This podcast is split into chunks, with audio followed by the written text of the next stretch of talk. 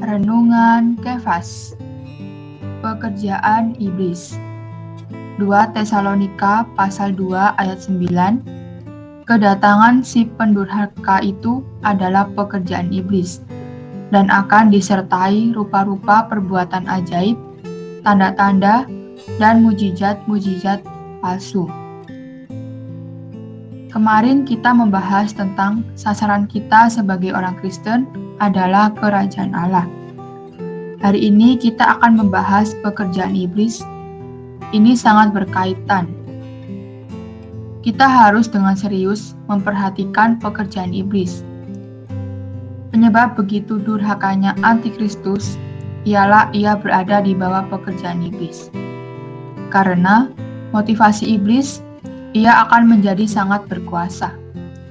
Pekerjaan iblis disertai dengan kekuasaan dan tanda-tanda serta mujizat-mujizat palsu. Seluruh pekerjaan iblis untuk menyesatkan orang adalah palsu.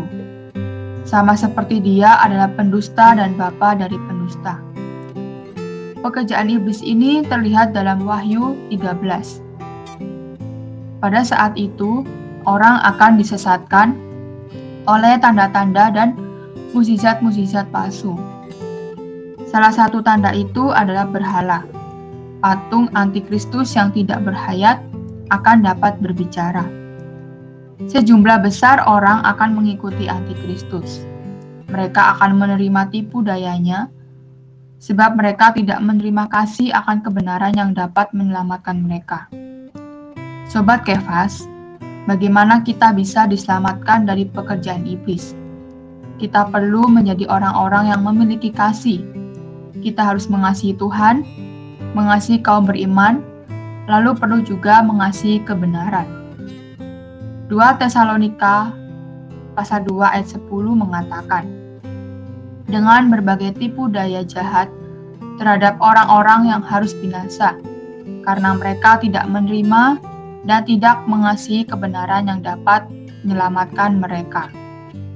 Poin penting, satu, salah satu tanda pekerjaan iblis adalah berhala patung antikristus dapat berbicara.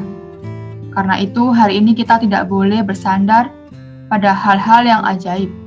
Hal-hal itu bisa dipakai oleh iblis. Dua, cara diselamatkan dari pekerjaan iblis adalah perlu memiliki kasih terhadap Tuhan dan terhadap sesama manusia. Juga perlu menjadi orang yang mengasihi kebenaran dengan cara meluangkan waktu untuk baca Alkitab dan doa baca firman.